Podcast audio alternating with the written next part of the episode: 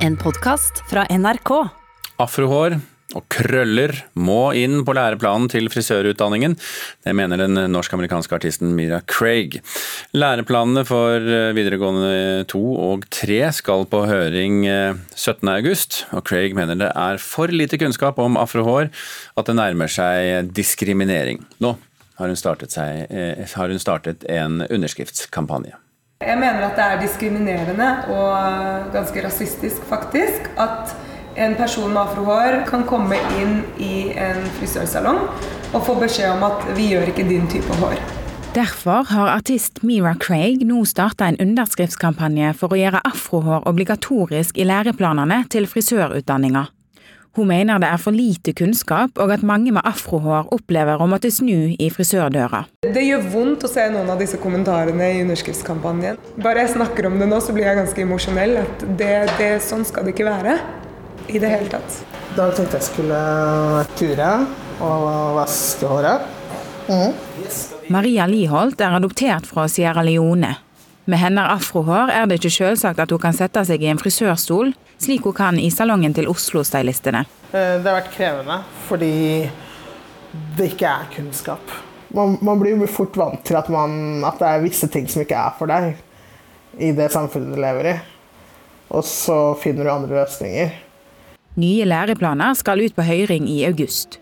Faglig råd for frisør sier i en e-post til NRK at det ikke er rom for å inkludere noe så detaljert som én eller flere bestemte hårtyper i læreplanene, fordi at de skal være kompetansebaserte og utformet med rom for lokal tilpassing. Men dette holder ikke for Craig. Jeg mener helt klart at dette skal være obligatorisk. Eh, dette er noe som bør skje på landsnivå, og som bør tas eh, seriøst. Lise Gulbrandsen har jobba 20 år som frisør, og er i dag frisørlærer i et kvinnefengsel. Hun mener det er ivaretatt i læreplanen, og at ansvaret ligger mest hos bransjen. Det står ikke spesifisert afrohår. Eh, det står heller ikke spesifisert asiatisk hår eller nordisk hår. Men altså, man skal jo lære om forskjellige typer hår, og man gjør jo det på skolen. Eh, noen har mer teori på det, noen har praksis. Jeg tenker at ansvaret ligger mye i bransjen, hos frisørene. Om de har lyst til å lære mer om det, så er det jo kunnskap å finne. Perfekt. Bra. Mm, supert. Og Liholt synes tilbudet har bedra seg fra da hun var lita, og ser at flere er opptatt av å lære om hårtypen hennes. Det å finne en frisørsalong som forstår mitt hår, det har vært en ja, helt sånn ubeskrivelig følelse. For plutselig så var jeg bare vanlig. Jeg var ikke hun rare med det rare håret. Men jeg var bare en person som skulle gå til frisøren. Jeg tror ikke helt folk forstår hvor viktig det er å kunne gjøre noe så banalt som å få lov til å gå til frisøren. Reporter her, det var Ida Yasin Andersen. Eh, Lala Kolibali, god morgen. God morgen. Du har startet hårbloggen krølltopp.no. Hvorfor det? Um, jeg savnet en plattform hvor vi kunne dele erfaringer og kunnskap på norsk. Og da ja, spesielt rettet uh, mot krøller og afro, da. Har du opplevd noe av det samme som du hørte om her i reportasjen? Uh, ja, flere ganger. Uh, kommet inn i frisørsalonger og sett at noen har vært redde, og andre har vært helt ærlige og sagt at de ikke kan klippe håret mitt. Hvordan har du tenkt om det? Eh, vel, det er eh, både kjipt og forståelig. Eh, det er jo selvfølgelig kjipt at man ikke har de samme tilbudene og mulighetene som veldig mange andre har. Um, og så er det jo forståelig, uh, fordi de har ikke blitt opplært til det, og de har ikke treningen til å kunne gjøre det. Og da ja, har jo ikke jeg så veldig mye lyst til å sette meg i stolen heller. Så dette forslaget om å få eh, afrohår og krøller inn på um, læreplanen til eh, frisørutdanningen, eh, eh hva syns du om det forslaget? Eh, jeg syns det er eh, veldig bra og veldig viktig. Absolutt. Det er jo en ja, stor mengde mennesker som faktisk ikke får de samme tilbudene som resten av befolkningen. Hvor er det godt tilbud med frisører som kan uh, afrohår og krøller, da?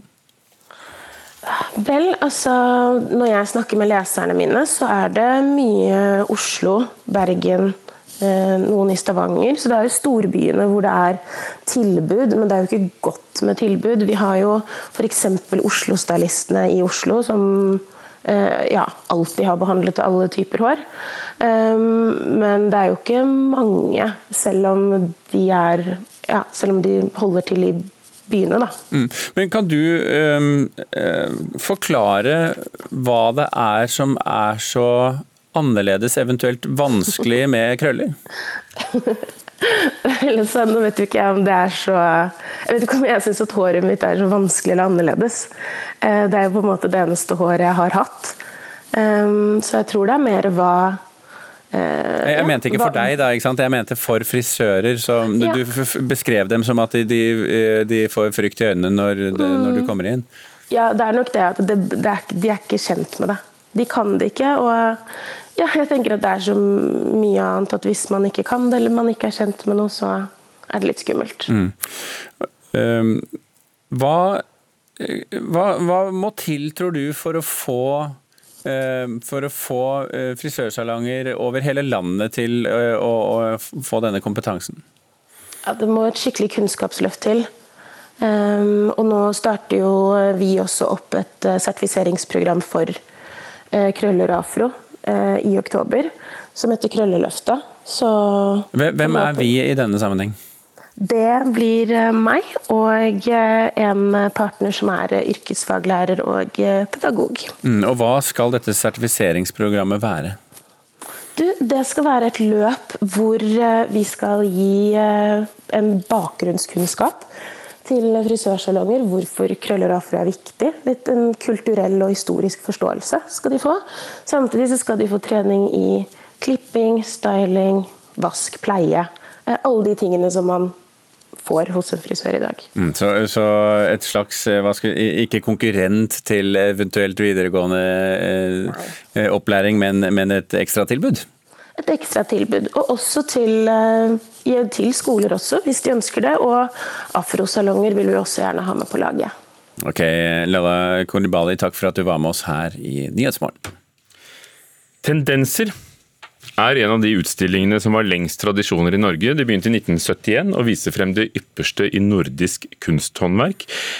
I år er det 44. utgaven, og det skjer på Galleri F15 på Jeløya utenfor Moss. Bare Høstutstillingen og Nordnorsken er eh, utstillinger som går lenger tilbake i tid i Norge. Mona Palle Bjerke, vår kunstkritiker, hva byr årets utgave av tendenser på? Ja, Utstillingen har tittelen Jord, vind, ild og vann. Altså de fire elementer, da, bare luft er blitt til vind. Utstillingen kretser om naturens skjønnhet og sårbarhet, og menneskets påvirkning på og utnyttelse av jordens eh, ressurser. Og et slikt eksempel er Alma Heikiles eh, skimrende grønne veggmaleri bestående av polyesterduk som hun har spent over hele den ene vindusveggen i andre etasje.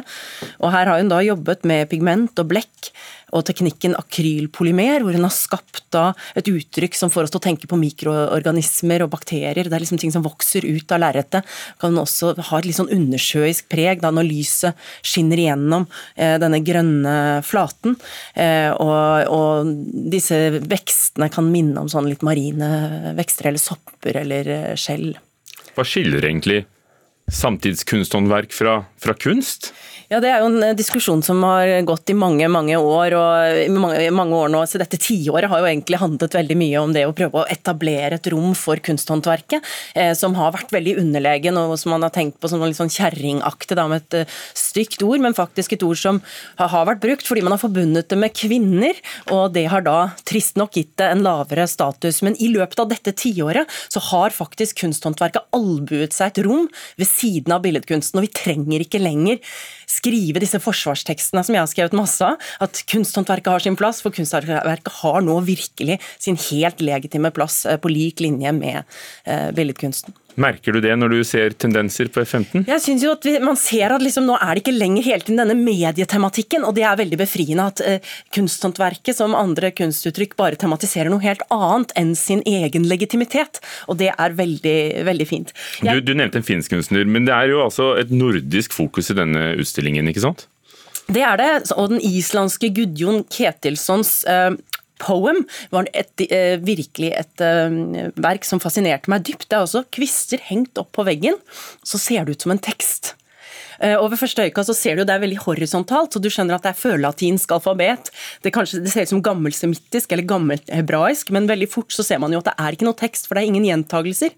Og en tekst består som kjent av kombinasjoner av ulike tegn som betegner lyder, og da er det jo bare et begrenset antall lyder, så det vil jo være gjentagelser. Så du forstår at dette er bare et eh, abstrakt nettverk, men likevel så kan dette fantastiske naturdiktet henspille på forestillinger f.eks. For om fortellinger som hviskes i tretoppene, eller naturens egen diktning, på en måte. da. Si litt om eh, norske Hedvig Winge, er du snill. Hedvig Winge hun har skapt et sanselig verk med tittelen 'Porcelain Piece', eh, som er laget på stedet. Hun har spent opp et laken fra eh, gulv til tak, og siden tømt porselenleire over, så det er søl på gulvet og sånne ting. Verket er jo både en tekstil, men det henspiller på eh, keramikk. Det har noe arkitektonisk, det har noe malerisk og noe skulpturelt. Så det er en sann eh, hybrid. Da. Og så er det jo denne tyngden i foldene som får oss til å tenke på klassisk gresk skulptur og våtdraperiene fra f.eks. Eh, Athena Nike-tempelet på Akropolis. Eh, så har det, det, det har både tyngde og letthet. Jeg tenker også på et laken som henger til tørk i solgangsprisen. Noen bruker porselen, andre kvister. Og så er det noen som bruker musikkinstrumenter, lage musikkinstrumenter som er selvspillende. Ja, Stian Korntvedt Ruud har laget altså en veggskulptur bestående av bitte små symballignende eh, klangelementer. Og Med jevne mellomrom så faller en treball ned, som spiller og danser seg ned gjennom disse klangelementene og lager en vakker tilfeldighetsmusikk. Vi kan høre på det.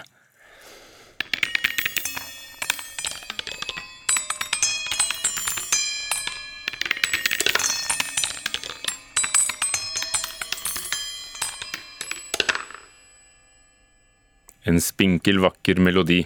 Tilfeldighetsmusikk. Hvis du skulle oppsummere, er tendenser blitt en fin utstilling? Ja, jeg syns det er en av de fineste versjoner av tendenser jeg har sett. Og jeg brenner for kunsthåndverket, så det sier ikke så lite. Så det er bare å ta turen til Galleri F15 i Moss. Eh, og den er der til 4. Eh, oktober. Takk, Mona Palli Bjerke. Og så er det sånn at eh, denne kunstanmeldelsen og alle de andre anmeldelsene våre i alle sjangere finner du på nettet på nrk.no anmeldelser. Du har hørt en podkast fra NRK. Hør flere podkaster og din NRK-kanal i appen NRK Radio.